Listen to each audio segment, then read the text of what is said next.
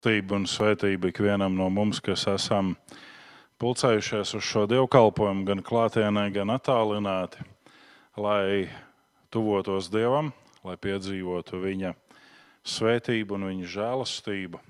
Un es negribu, iespējams, šajā dienā, kad mūsu prāti ir tāpat jau gan satraukti, dažādā veidā aizņemti ar saviem personīgajiem sveicieniem šo dievkalpojumu sākumu, bet es aicinu, ka mēs vienojamies kopīgi teikt, mēs ticam uz Dievu Tēvu, visu valdītāju, debesu un zemes radītāju, un uz Jēzu Kristu, Dievu vienpiedzimušo dēlu, mūsu kungu, kas ieņemts no svētā gara, piedzimis no jaunavas Marijas, cietis zem poncija Pilāta, krustā sists, nomiris, aprakts, nokāpis ellē trešā dienā augšām cēlies no mirušajiem, uzkāpis debesīs, sēdies pie Dieva visu valdītāja tēva labās rokas, no kurienes viņš atnāks tiesāt dzīvus un mirušus. Mēs ticam uz Svēto garu, vienu svētu vispārīgu baznīcu, svēto sadraudzi, grēku piedošanu, miesas augšām celšanos un mūžīgo dzīvošanu. Āmen! Un šajā dienā aicinu arī visus, kas ir attālināti, sagatavot svēto vakarēdienu, ko jūs esat lēmuši savā sirdī eh, šim svētajam vakarēdienam atvēlēt. Vai tā būtu vīnoga sula, vīns vai arī ūdens, lai Dievs svētī ikvienu no jums. Vēlāk arī to baudīsim visu šo notikumu sakarā, kas ir ap mums. Lai Dievs svētī un šajā brīdī dziedāsim. Thank you.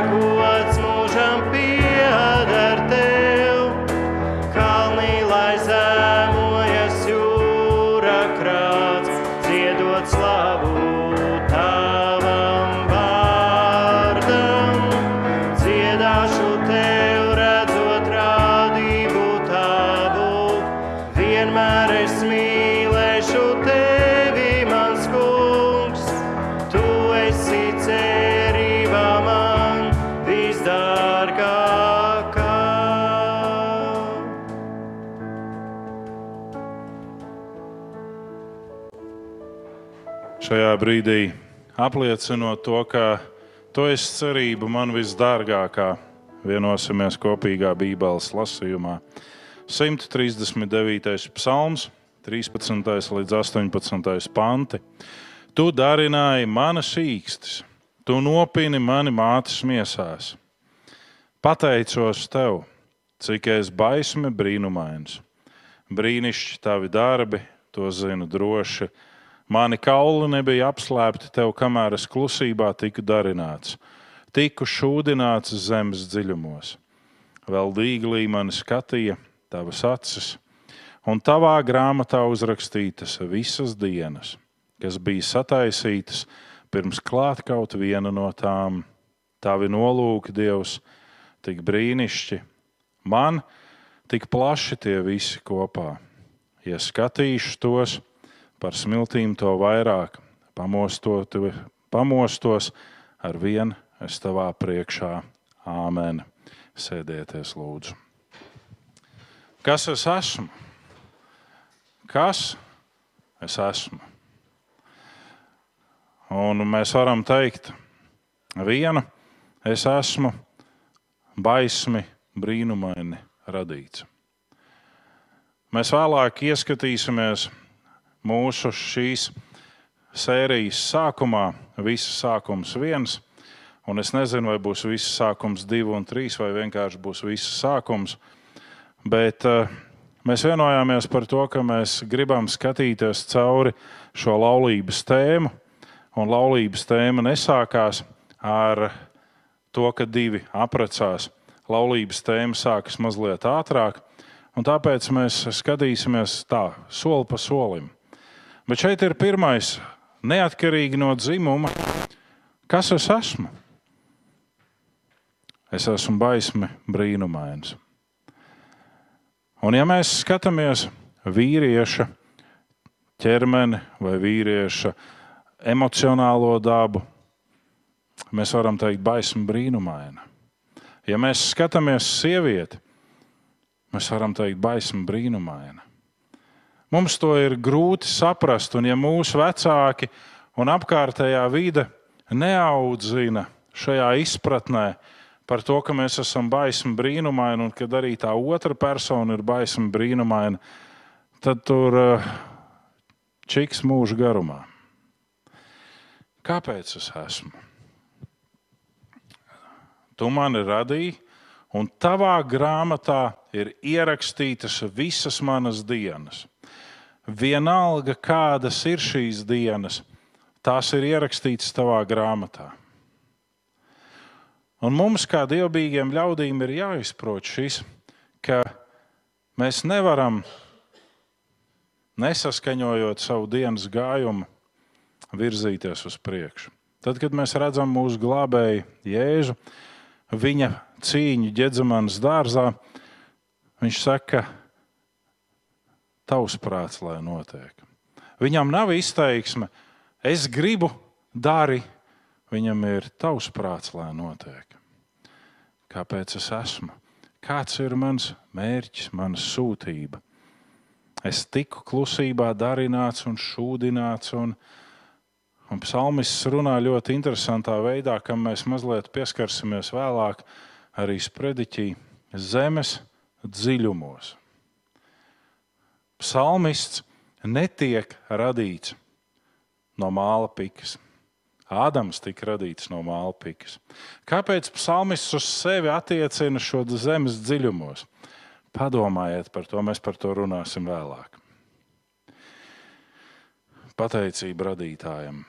Mēs reizēm šķendējamies, kāpēc es esmu tāds, kāds es esmu, Viens saka, kāpēc es esmu neveiksmīgs, otrs saka, kāpēc es esmu tik apaļš, trešais saka, kāpēc man tik pliks pauris. Kāpēc es esmu tāds, kāds es esmu? Pateicība radītājiem. Pateicība radītājiem arī par manu emocionālo dabu, arī man, par manu iekšējo cilvēku. Pateicība radītājiem. Es esmu baismi brīnumaini radīts. Mēs dziedājam, mans jēzus, mans glābēji, vai patiešām mēs apstājamies un varam teikt pie tā, kas notiek Ukrajinā. Dievs ir labs. Jā. Jā. Vai tiešām mēs varam teikt pie tā, ka plosās dažādas sērgas un slimības, ka Dievs ir labs? Jā.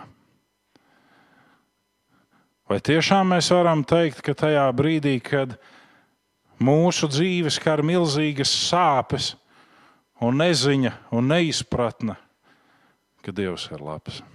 Jā. Vai mēs esam vienmēr labi? Grūti pateikt. Vai mēs vienmēr slavējam radītāju? Grūti pateikt. Šajā dienā mums ir vairākas daļas. Un pirmā daļa ir, mēs pieminam mūsu mīļo brāli Jāni Līdumu Paulu dēlu, dzimušu 4. maijā 1940. gadā un mūžībā pārceltu 24. februārī 2022. gadā.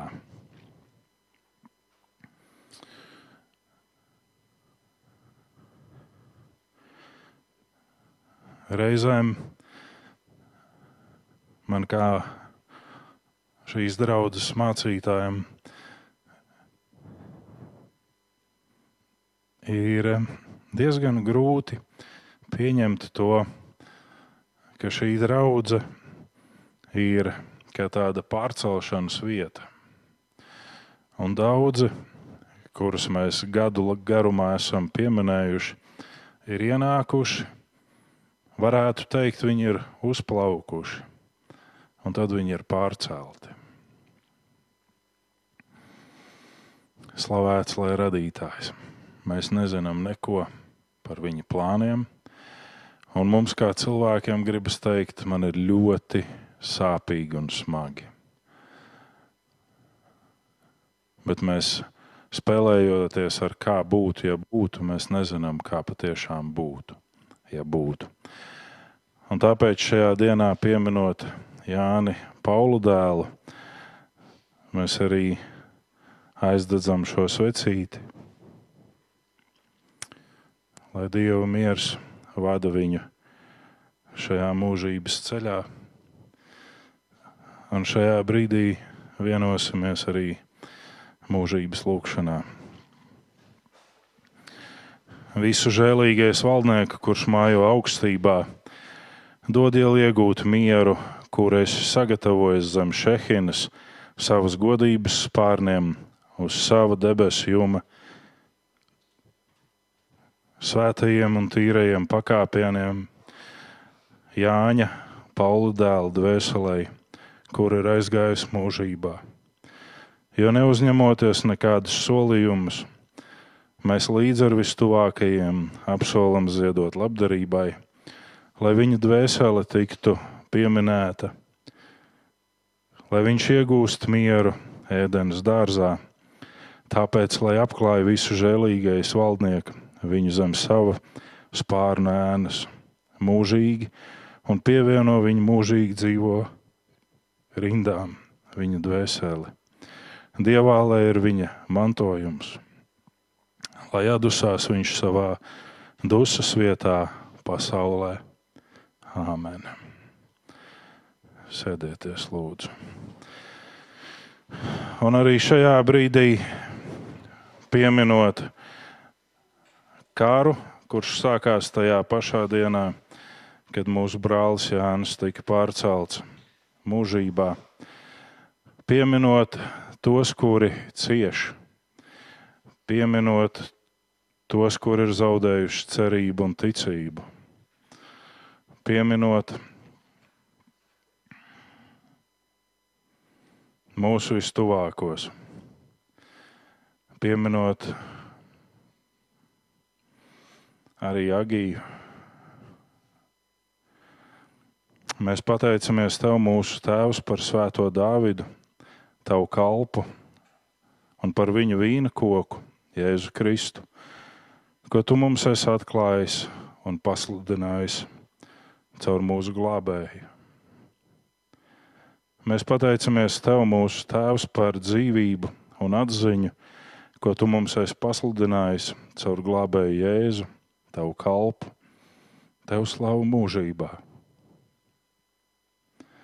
Kā šī maize ir bijusi izkaisīta uz kalniem un savākta kļuvusi par vienu, tā lietas savu draugu no visiem zemes galiem.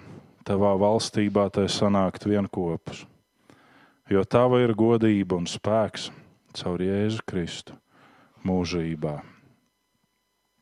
Un, kungs, mēs lūdzam, pieminēdami Jēzus glābēja nāvi un augšām celšanos, upurējot tev pateicību visam valdnieku un mūsu abu tēvus.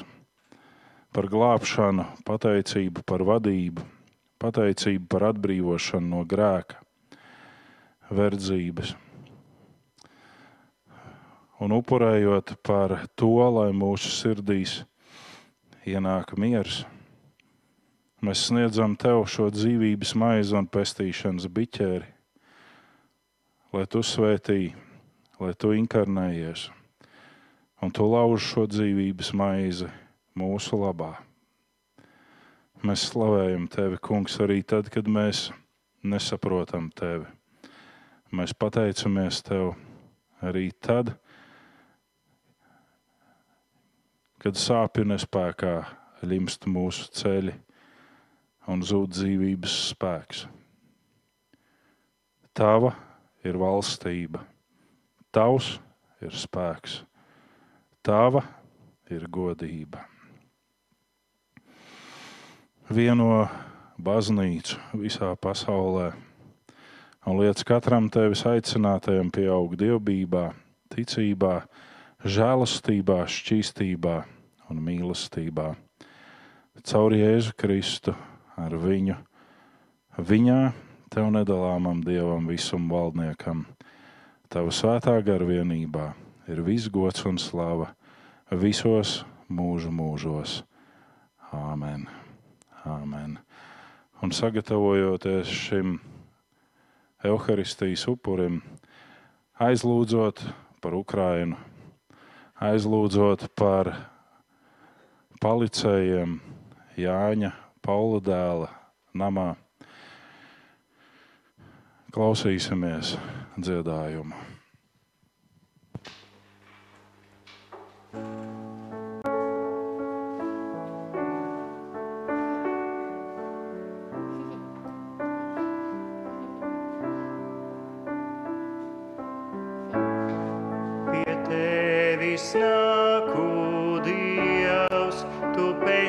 Pēc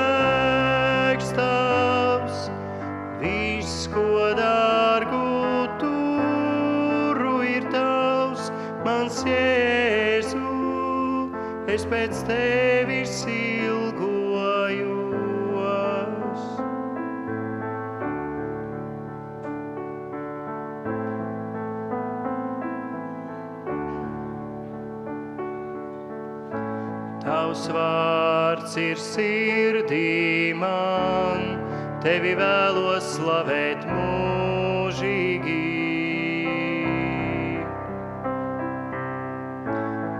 mana dzīve plaukstās tavās, un pat ja tumsa manī klās, es došu godu tev, es tevi slavēšu,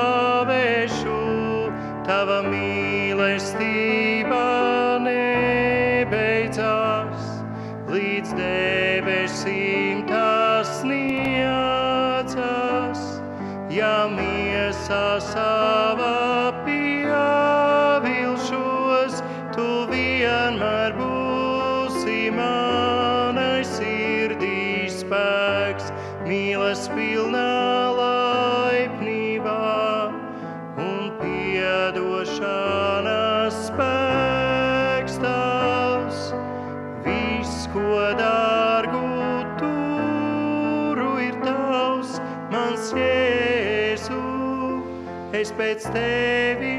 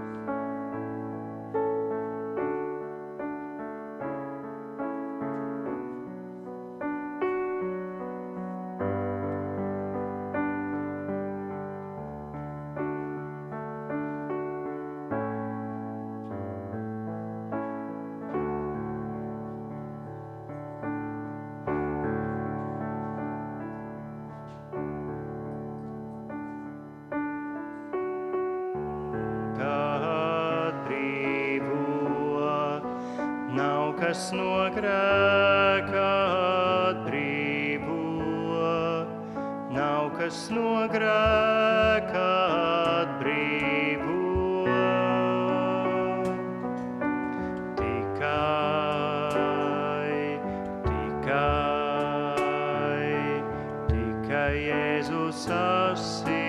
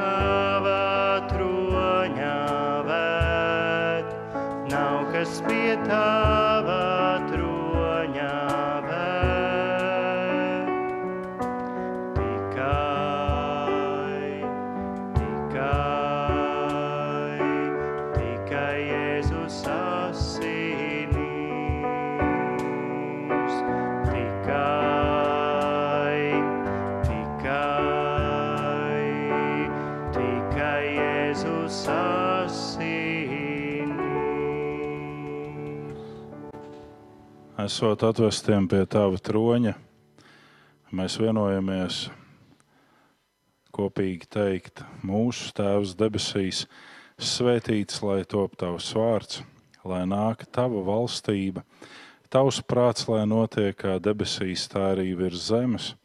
Mūsu dienascho maizi dod mums šodien, un piedod mums mūsu parādus, kā arī mēs piedodam saviem parādniekiem, un neieved mūsu kārdināšanā, bet atpestī mūs no ļaunā, jo tev pieder valstība, spēks un gods mūžīgi, mūžos. Āmen! Āmen. Lai Dievs svētī, dziedāsim dziesmu par vīrieti.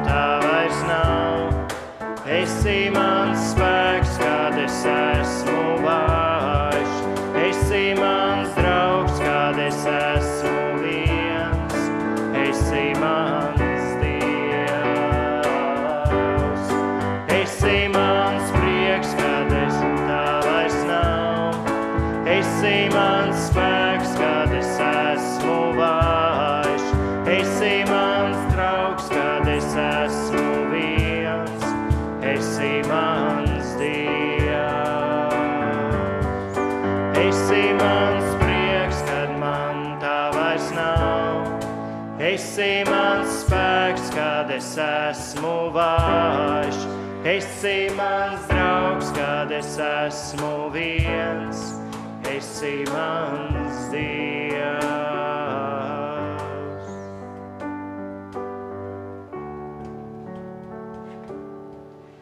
Tiešām, kungs, esi mans dievs, esi visuma valdnieks. Tu tāds esi, bet nevienmēr es un mēs tevi par tādu atzīstam. Tādēļ šajā dienā esi mūsu vidū, runā uz katru no mums, darbojies mūsos. Āmen. Āmen. Sēdieties, lūdzu. Un šī ir tā pirmā diena pēc ļoti, ļoti ilga laika, kad Svedens skola dodas uz savu nodarbību. Svedens skola ir skolotāju un bērnu divskaitlis, bet tas ir ļoti labi. Svedens skola dodas uz savu nodarbību droši. Krišāna var sekot kopā ar Markus, un būs baigi labi. Tur ir arī Anija. Jā. Domājot par laulību, par visu sākumu un par vīrieti, ir jāsaprot, ka nekas nesākas ar laulību, kā jau es pirmie teicu. Viss sākas krietni pirms vienas konkrētas laulības institūcijas.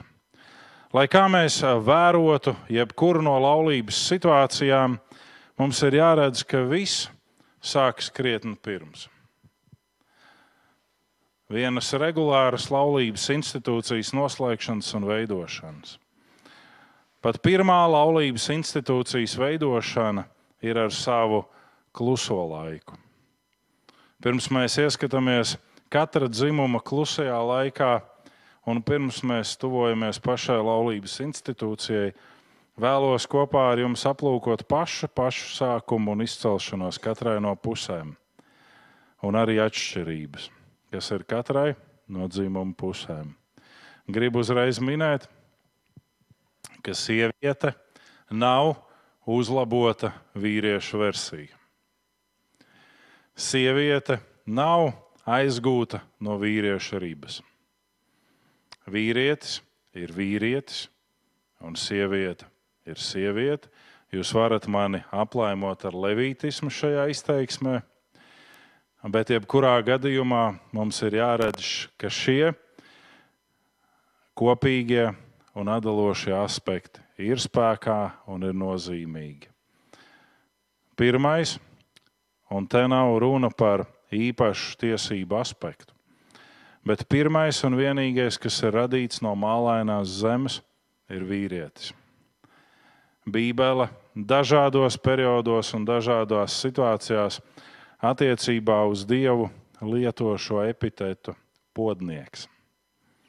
To ir iespējams saprast, jo viņš cilvēku veidoja no māla, jeb no sarkanās zemes, ko arī sevī ietver pirmā cilvēka personu vārds - Adam, sarkanā zeme. Un pirmais, ko mēs lasām, ir pirmā mūzes grāmata, otrā nodaļa, septītais pāns. Un kungs Dievs izveidoja no zemes pīšļiem cilvēku un iepūta viņa nāsīs dzīvības dvašu, un cilvēks kļuva par dzīvu būtni, jeb dvēseli, kas būtu ebreju valodā nefeš. Ir lietots šajā vietā vārds nefeš, jeb dvēsele. Ko mēs redzam? Mēs redzam to, ka tiek veidots cilvēks. Mēs redzam to, ka cilvēks sākotnēji sevī ietver abas dzimuma dabas. Nav tā, ka ir vīrietis, un tad veidojās sieviete. Pilnīgi kaut kas atšķirīgs. Nē, jo Dievs saka, mēs veidosim cilvēku pēc mūsu tēla un mūsu līdzības. Ko nozīmē pēc mūsu tēla un mūsu līdzības? Ar ko viņš to runā? Un es domāju, ka šī dievība, jeb visuma valdnieka būtība mums cilvēkiem ir grūti izprotama. Vai viņš runā ar eņģeļiem, vai viņš runā ar, kā senbaznīca uzskata, ar trim dabām, mēs nezinām. Bet mēs zinām vienu, ka Dievs saka, veidosim cilvēku pēc mūsu tēla un līdzības. Un vēlāk, kad saduķēji ņirgādamies par Jēzu, mēģina pateikt, ka nu, mums tur bija tāda situācija, bija viena meitene un septiņi brāļi.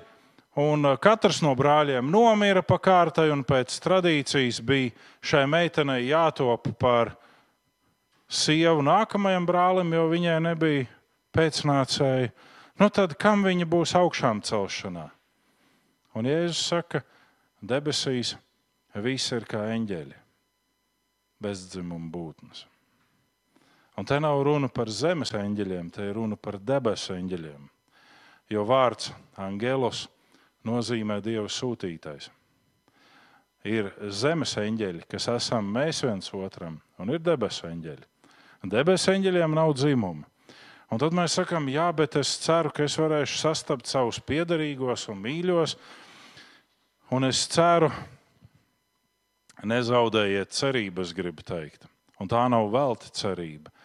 Bet šodien pateikt, kā tur būs, mēs neviens nevaram. Mēs zinām to, ka tur būs stikla jūra un ielas no zelta. Tas ir tajā jaunajā pasaulē.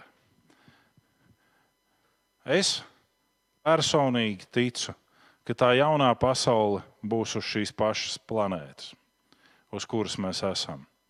Jo tad, ja mēs studējam atklāsmes grāmatu, bet tas nav mūsu šīs dienas temats, tas tik tā pa ceļam, tur ir teikts, ka jaunā Jeruzaleme nokāpa, kā sagatavota līgava. Viņa var nokāpt, ja viņa tiek gatavota tur un viņa nokāpj uz šejieni. Savādāk ir grūti saprast to nokāpšanas statusu. Un tad, ja mēs skatāmies uz Zemi kā globusu, mēs redzam, ka Zemē ir ļoti daudz derīgo izvērtējumu. Punkts viens, punkts divi. Zemē ir daudz smilšu. Punkts trīs. Zemes kodols ir veidojies kā atomreaktors. Un ar dažādām šīm situācijām, kas ir ap mums, samazinot to ārējās atmosfēras spiedienu, šis zemes kodols kā atomreaktors aizvien aktīvāks paliek. Un tad pienāk tas brīdis, par kuru apustulis Pēters saka, ka zemes pamati sakustēsies un debesis jums trīcēs. Un lielā karstumā aizies bojā šī pasaule. Un šī bojāeja ir, kad šis kodolreaktors iet pa gaisu nosacīt. Tas nav kodolreaktors, bet kā kodolreaktors. Un šajā karstumā derīgie izrakteņi pārtopa par ko? Par zelta ielām. Un smiltis pārtopa par stikla jūru. Vai ne? Tu esi mācījusies šīs lietas, tu zini. Tu vari man palīdzēt. Bet tagad atpakaļ pie tiem vīriešiem un sievietēm vīrietis, to radīts par dzīvu dvēseli, par nefešu. Un tas nav šis helēniskais uzstādījums, ka Dievs ir trīsdaļīgs un cilvēks ir trīsdaļīgs. Ja jūs lasat prātīgi trešo mūža grāmatu, kur ir visi šie bauslības noteikumi, jūs varat izlasīt, ka cilvēka dvēsele atrodas viņa asinīs. Rietumu baznīca caur helēnismu ejot, pasakā, ka cilvēks ir trīsdaļīgs - gars, dvēsele un miesa. Nē, nē, nē, nē, nē. Dieva iepūst to garu un miesu sauc par dzīvu dvēseli. Tas ir viens vesels. Mēs neesam gnostiķi, kur uzskata, ka cilvēki ir psihiķi un pneimatiķi, un vieniem ir tikai miesa un dvēsele, un otriem ir gars miesa un dvēsele. Cilvēks nav trīsdaļīgs. Cilvēks ir viens vesels. Un šeit tas ir teikts, cilvēks kļūst par dzīvu dvēseli. Viņa asinis sāka ritēt, un cilvēks kļūst par dzīvu dvēseli. Sākotnēji šajā apvienotajā veselumā ir abas dabas, kā jau es minēju, sievišķā un vīrišķā. Līdz Dievs pieņem izaicinājumu veikt konkrētas izmaiņas. Un mēs lasām 1. mūža grāmatā, 1. nodaļā, 27. Un tur ir teikts, ka Dievs radīja cilvēku pēc sava tēla, pēc dieva tēla viņš radīja to vīrieti un sievieti. Viņš radīja. Un tā ir pirmā mūža grāmata, pirmā nodaļa, pats pats sākums.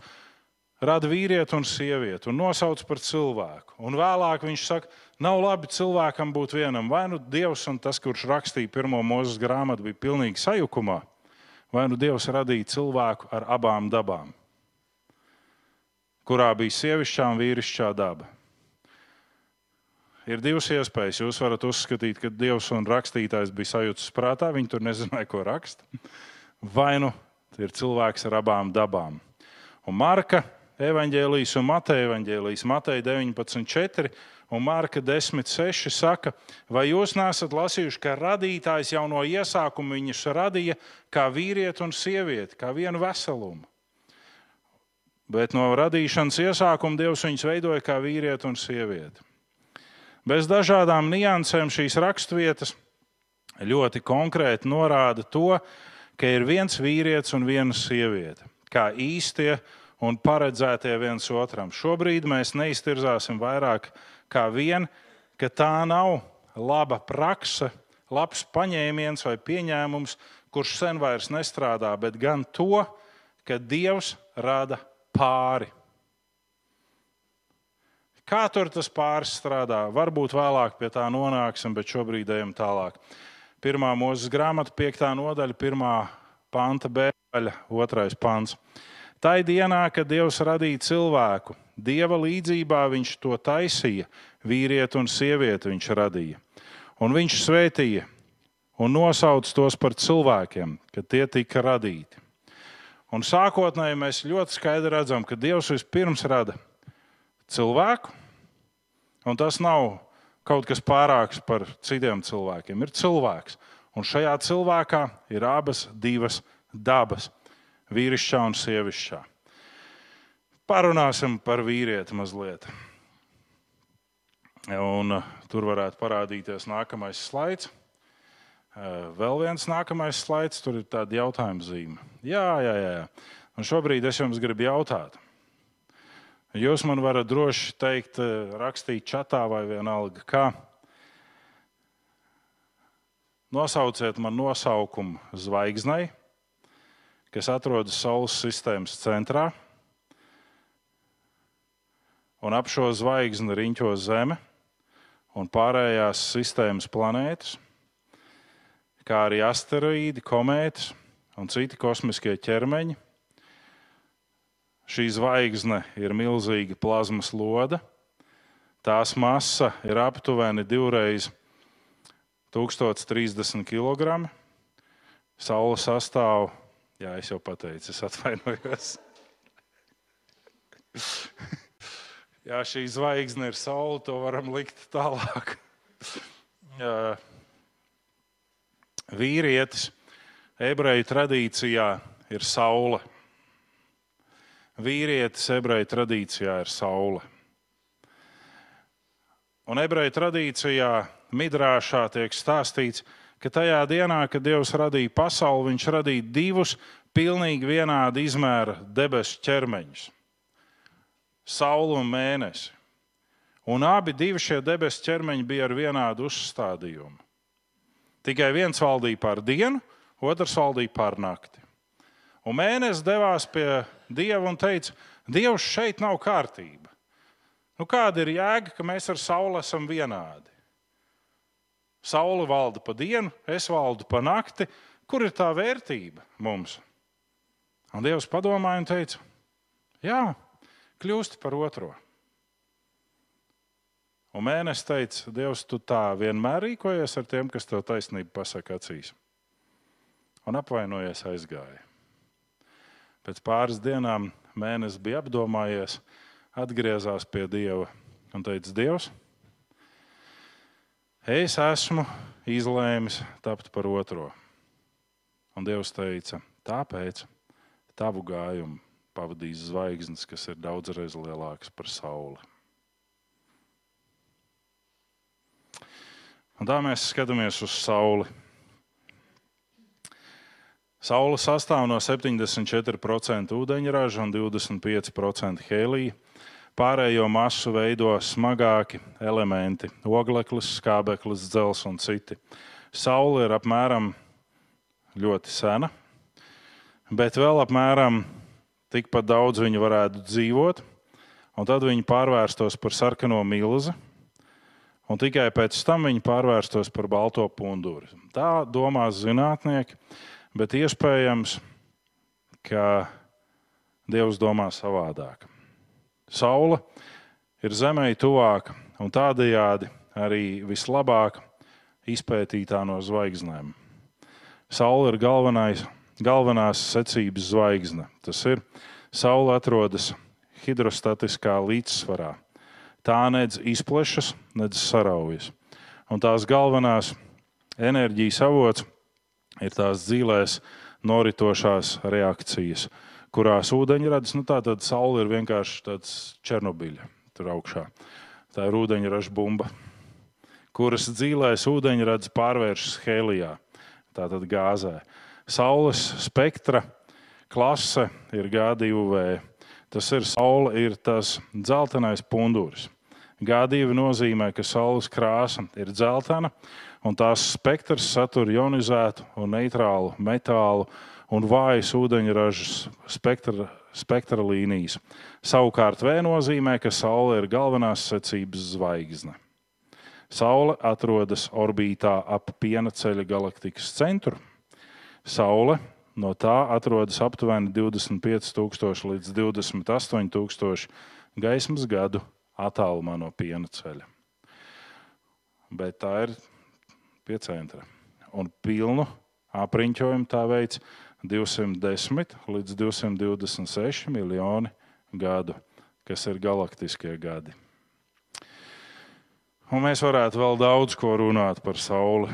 Man te ir uzrakstīts vesels trīs ar pusi lapas par Sauli, tāpēc ka es pats esmu Saule. par mēnesi būs ļoti maz, tur es uzreiz pasaku. Bet dzīvības pastāvēšana uz Zemes būtu uh, izzudusi, un tā nebūtu, uh, jo tā ir pilnībā atkarīga no Saules. Turklāt Saule, raugoties no Zemes bez šaubām, ir centrālais debesu ķermenis. Tādēļ daudzās kultūrās Saule tika padievināta un piesaukta kā dievs. Ar, arī Indo-Eiropiešu tautās tā skaitā arī latviešu mitoloģijā. Tāpat ļoti liela nozīme tika piešķirta dienas un nakts un gada laiku maiņām. Piemēram, saulgriežu svinēšanai. Savukārt saules aptumsumi tika uztvērti ar šausmām. Saulei, kā arhetipiskam tēlam, ir ambivalenta daba. No vienas puses, saule ir gaismas, siltuma un dzīvības avots, bet no otras tā var nest arī, piemēram, postošu sausumu iznīcība.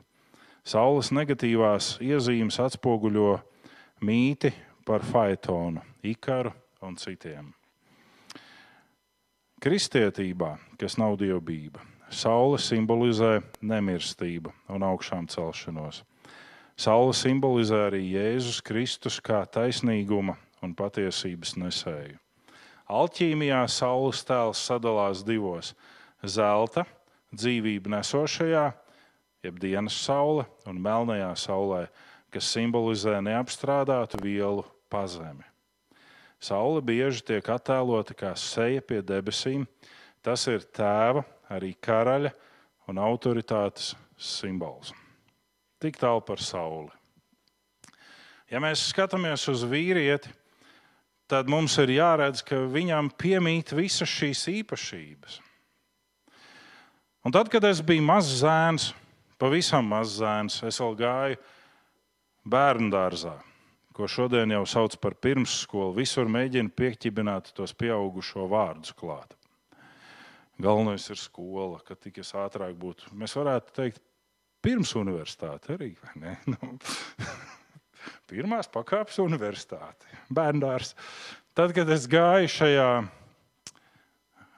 pirmās pakāpes profesoru kursos, ne, trīs gadus vai četrus es tur sabiju. Tad mūs katru gadu pavasarī veda uz Leļu teātri. Un šajā Leļu teātrī tika atainota uh, Lūga, pazudusī saulīte. Kurš vēl ir redzējis šādu lūgu? Kur divi sniega vīri iet meklēt saulīti. Viņi grib nonākt pie saulītes, bet viņi nesaprot, jo tuvāk viņi nāk saulē, jo vairāk viņi izkūst. Jo vairāk viņi saraujās, jo vairāk viņu būtība pazūd. Mēs redzam, saulē, jā, un tad, kad es jau biju skolas gados, jā, tas bija turpinājums. Tad man bija jāiet katru gadu no mammas darba, bija ledus balets, sporta pilī, pazudusī saulīte, kur saulīte uz slidām savā saules tērpā bija apsekta ar melnu plīvuru, un viņa bija pazudusi. Un šo mēs redzam arī pie vīrieti.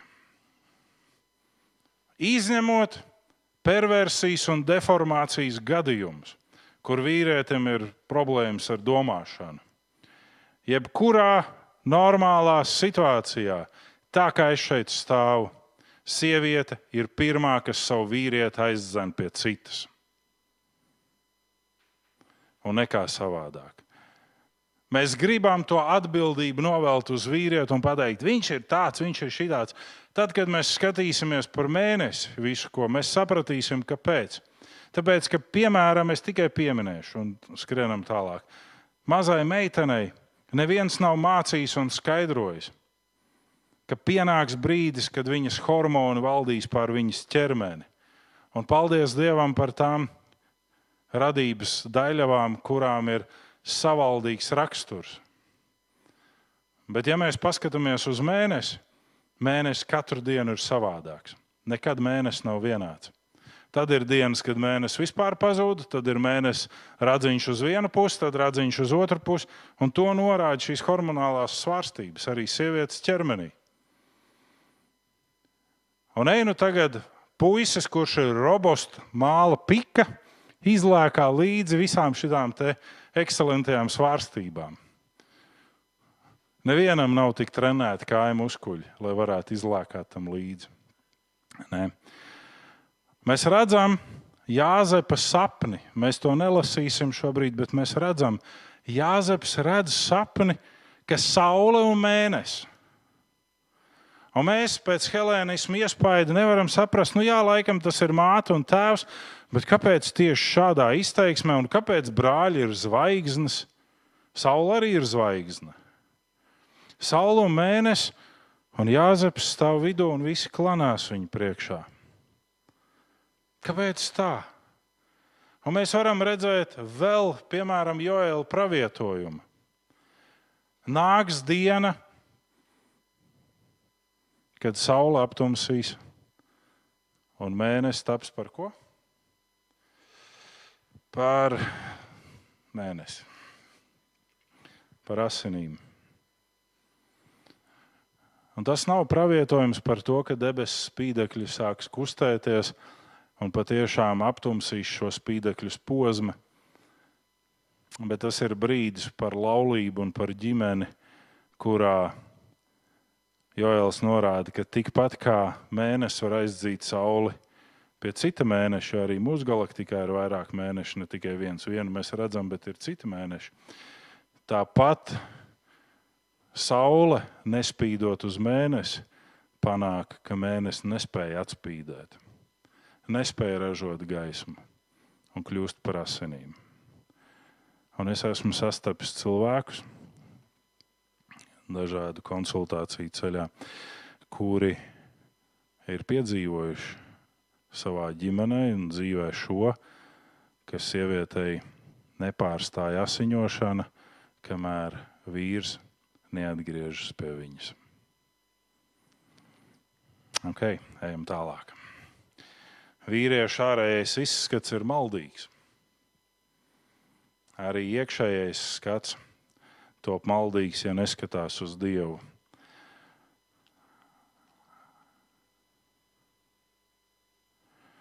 Un ne tikai ja neskatās uz Dievu ar acīm un uz cilvēku, ko Dievs savām rokām ir radījis un veidojis. Dievs ļauj savai tautai piedzīvot šo maldīgo pieredzi.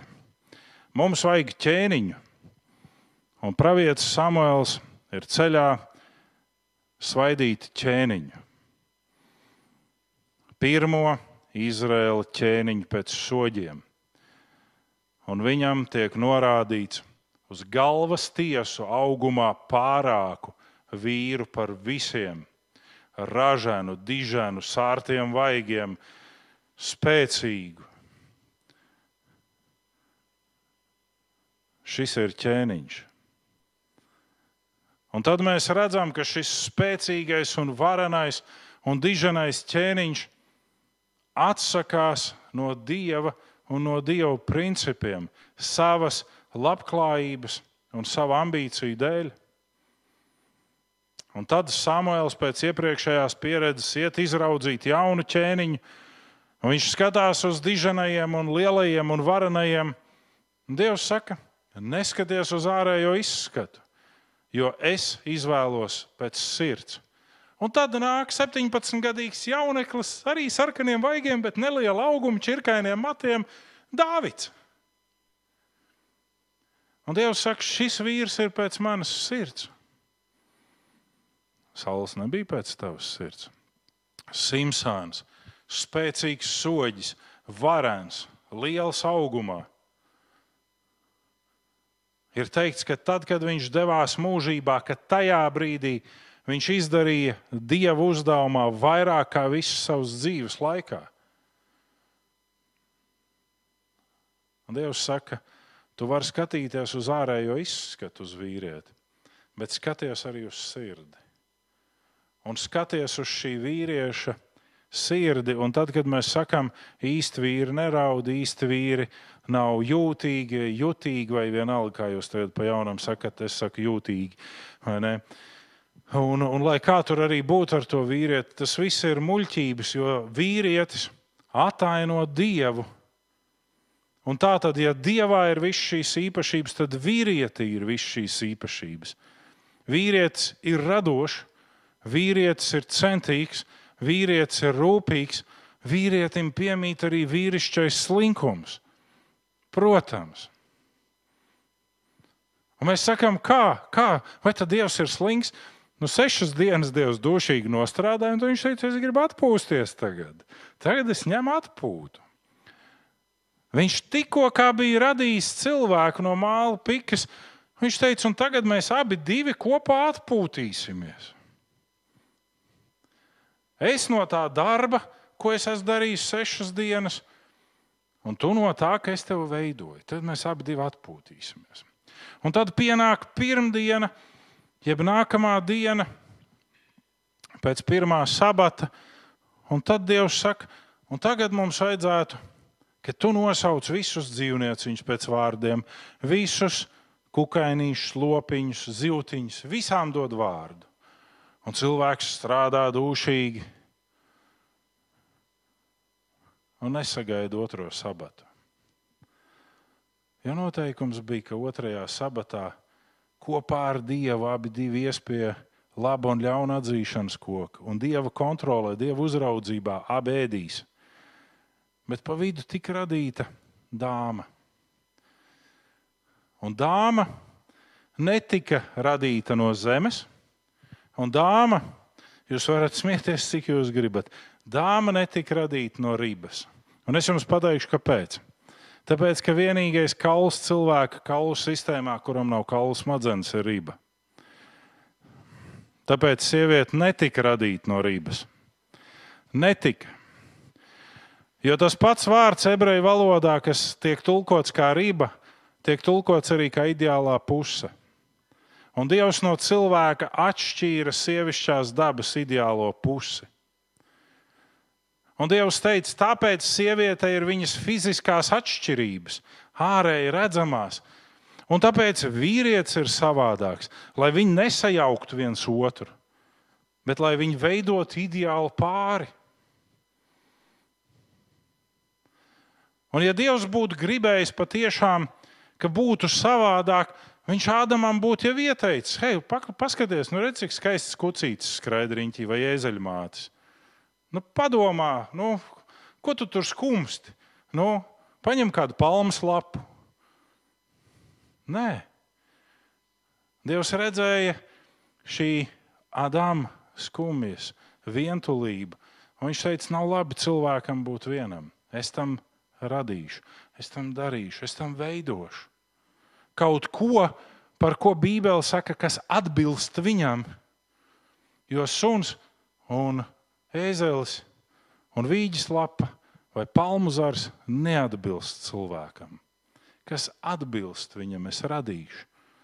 Un Dievs atšķir šo ideālo pusi no cilvēka. Lai izprastu rakstus, mums jāredz simboli, kas ietverti šajos rakstos īpaši, lai mēs spētu izprast to lāstu, kur Dievs sniedz ēdienas dārzā Ādamam, ir jāsaprot kontekstuālās nozīmes. Un es domāju, mēs mēģināsim izlidot septiņās minūtēs cauri kontekstam. Pirmā mūzes grāmata, trešā nodaļa, 17. līdz 19. panti. Un cilvēkam, jeb Adam, jeb vīrietim, Dievs sacīja: Tāpēc, ka tu paklausīji savas sievas balsi un ēdi no koka, par ko es tev pavēlēju, nēd no tā, nolādēta, lai tevis dēļ zeme. Mokās tu no tās ēdīs visas dienas, kamēr tu dzīvosi. Tev sadīgs no tās ērkšķi un daži, un tu ēdīsi lauka stādus.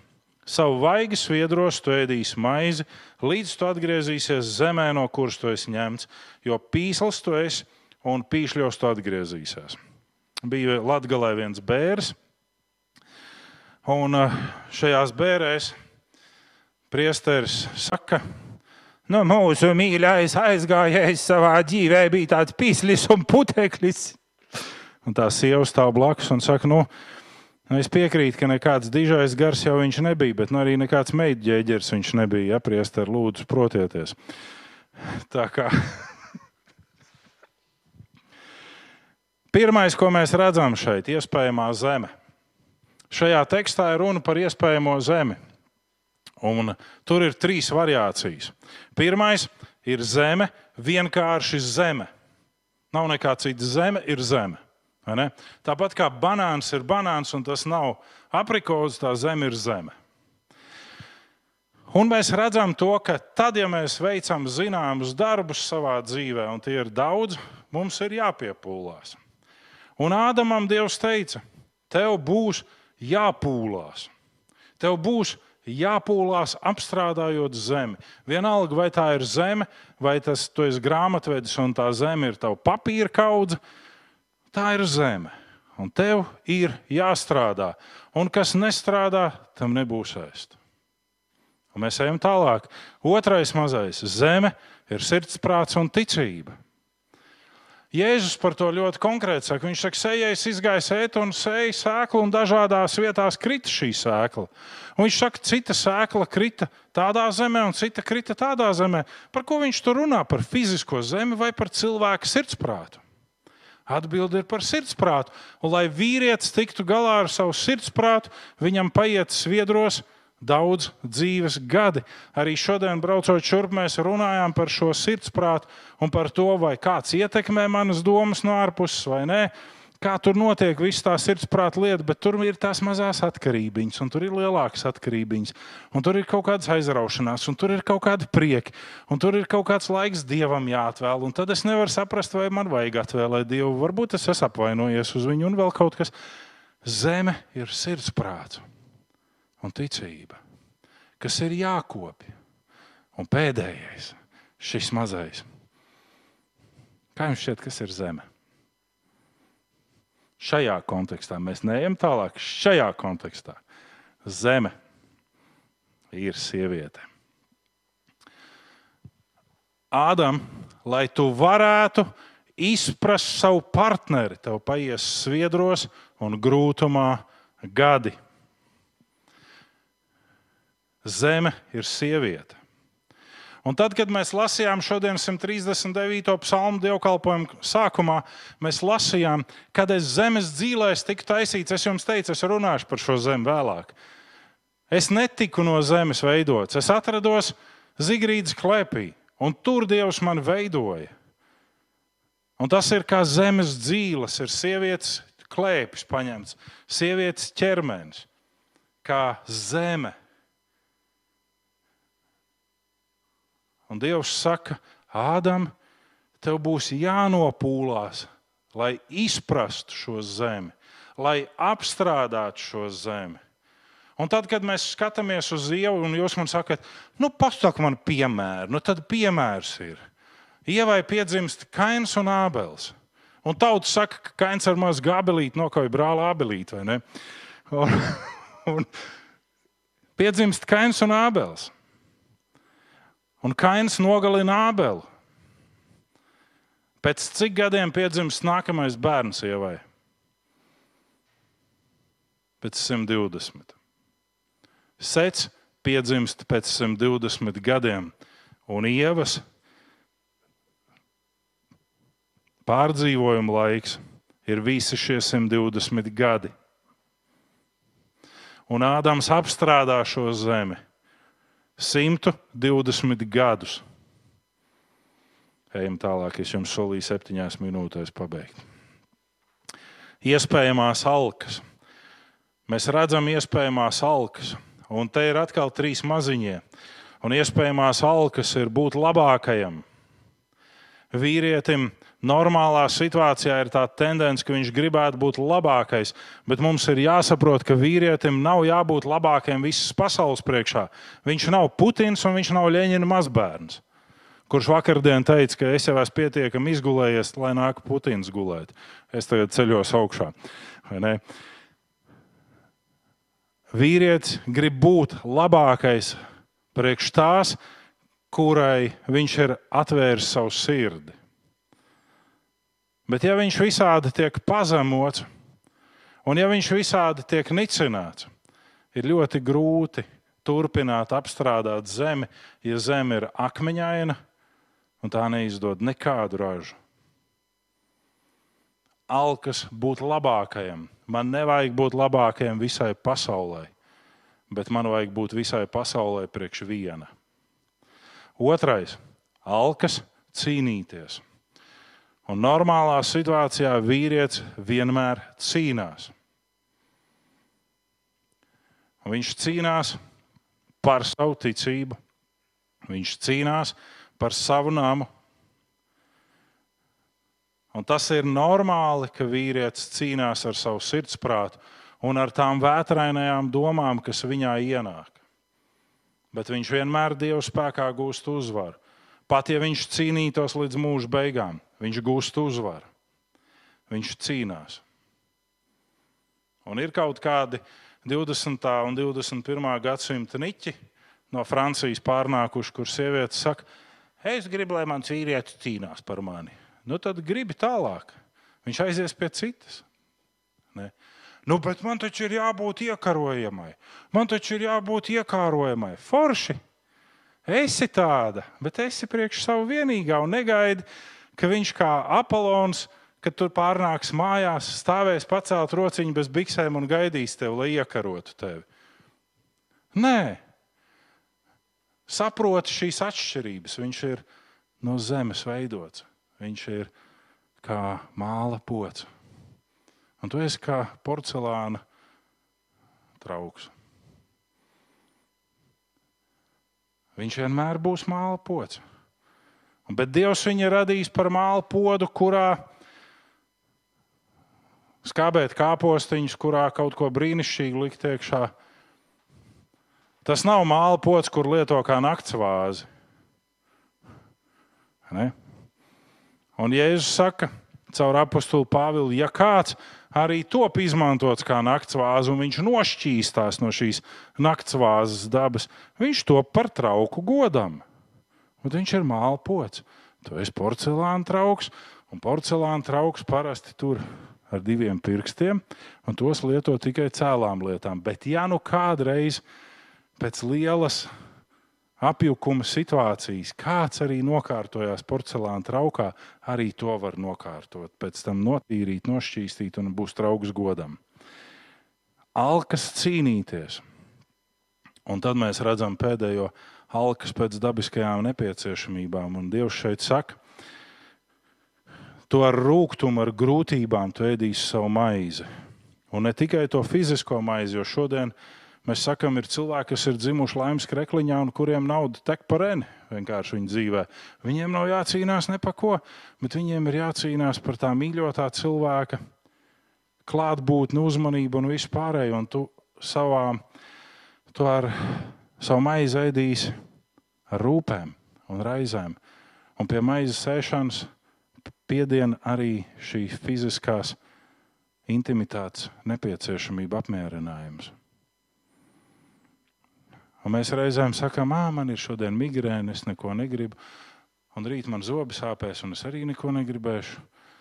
Un citkārt ir tās karikatūras, kur vīrietis jau nāk pēcpusdienā ar ibumetīnu maisiņu mājās, un, un, un vēl kaut kādu purgēnu, un vēl kaut ko, un saka, nu tad tev viss, lai nekas tev nesāpētu. Ne? Ir dabiskās vajadzības. Un Dievs saka, un pāri visam tam Tu esi vīrietis, un tu ar rūpēm un rūkumu ēdīsi savu maizi. Un tas ir grūti mums, kā vīriešiem, to saprast. Un pēdējais lielais sākums un noslēgums. Mācis klēpī, jeb ar zemi viss sākās. Ādām sarkanā zeme. Ādams tika veidots no zemes, no māla. Mēs tiekam veidoti mācas klēpī. Otrais, kā jau es minēju, zeme, sieviete, kurā veidojās šis zīdainis, šis embrijs, kas ir dieva brīnumdarbs. Tāpēc psalmis saka, es esmu baismi brīnišķīgi radīts. Un tad mēs ejam tālāk. Tev būs atgriezties zemes klēpī. Ne urnā, ne kompostētam, bet atgriezties zemes klēpī, jo no turienes tu esi paņemts. Gadījumā, ja ir trāpījušās kādas urnas dzīves ceļā, nu, atstāsim to dievu ziņā. Gadījumā, ja kādi mūsu tuvinieki ir kompostēti, atstāsim to dievu ziņā.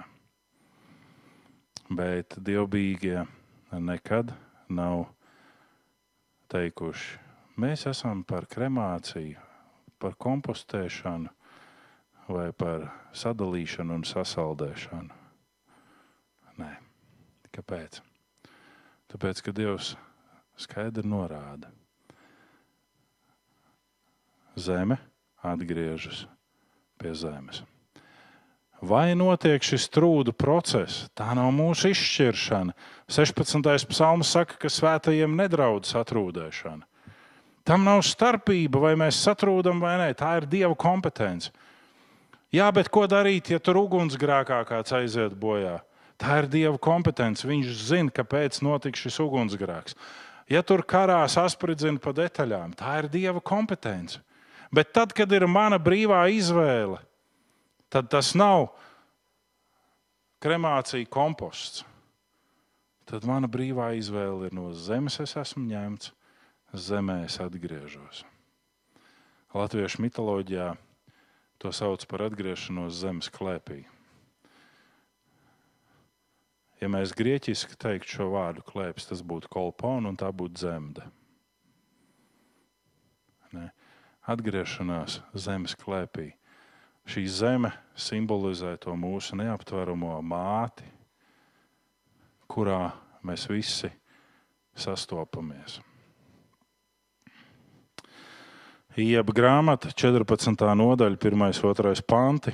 Cilvēkam, kas no sievas dzimis, dienu maz, bet nemiera daudz. Kā puķa tas dīkst un vīst, bēg kā ēna un nepaliek.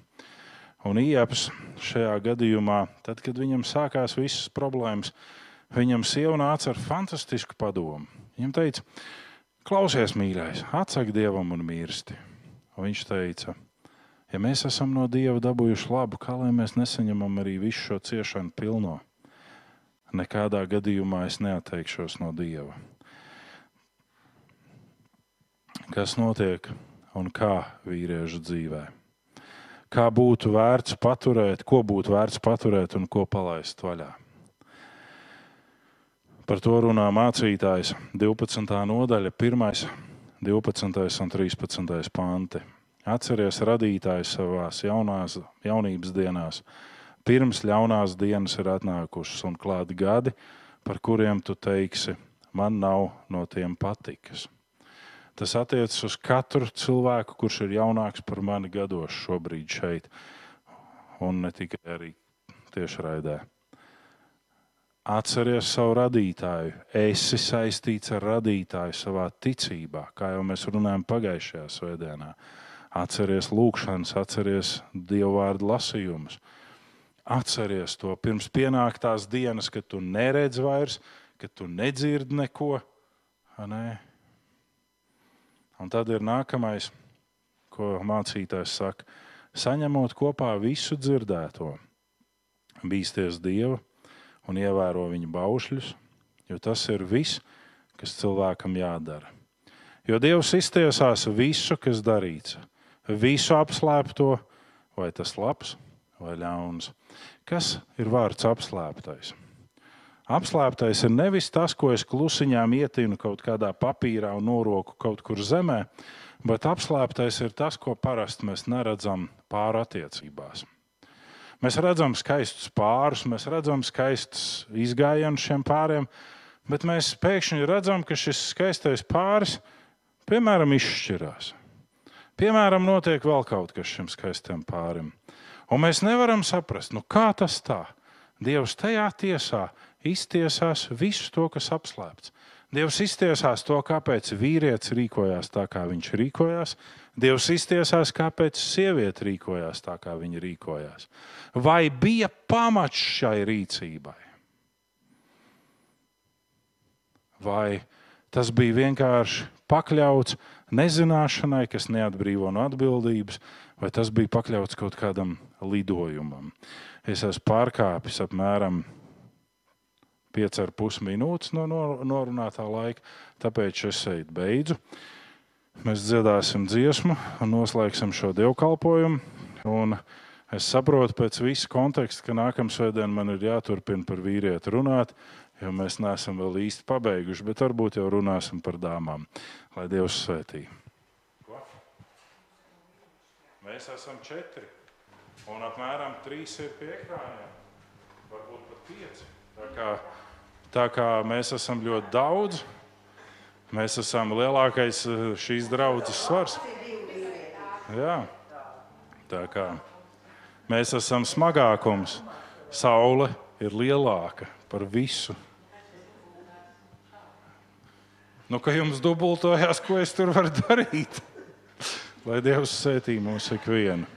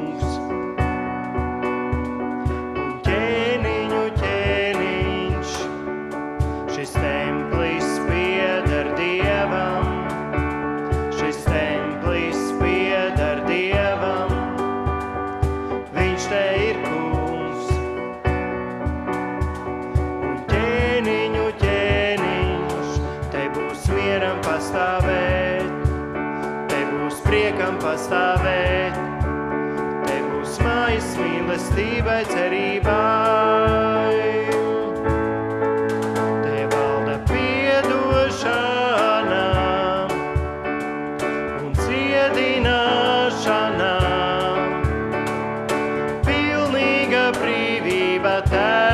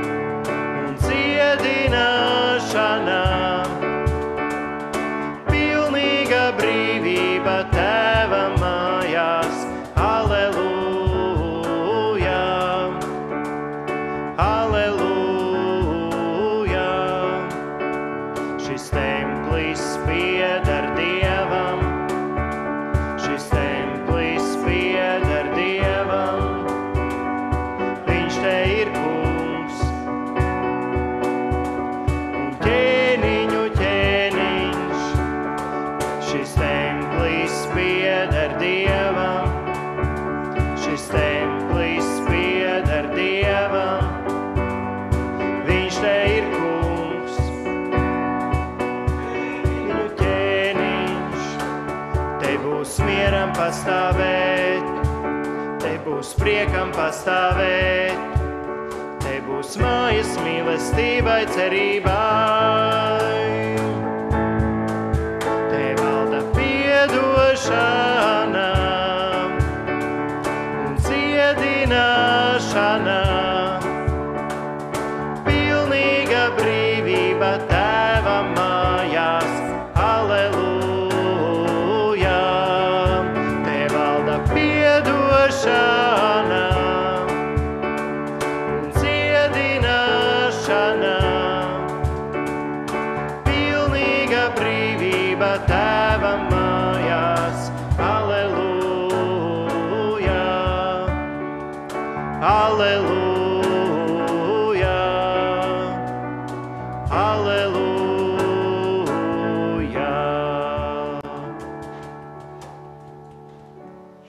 Brīdī arī svētīsim viens otru, vai caur ekrānu, vai klātienē, lai Dievs ir ar katru no mums.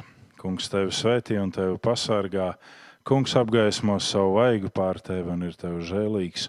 Kungs uzlūko tevi ar lapatiku un dod tev savu mieru. Āmen! Āmen. Ejiet ar mieru un kalpojiet tam kungam stipri ticībā.